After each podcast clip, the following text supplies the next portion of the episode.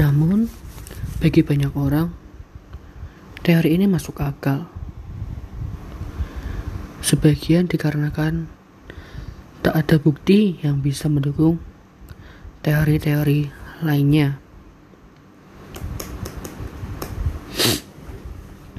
Sebuah laporan rahasia intelijen Amerika Serikat mengatakan tiga peneliti di laboratorium Wuhan pernah dirawat di rumah sakit pada bulan November tahun 2019. Hal ini terjadi sebelum virus menyebar antar manusia di Wuhan. Beritanya menyebar di media Amerika Serikat pada Mei tahun 2020.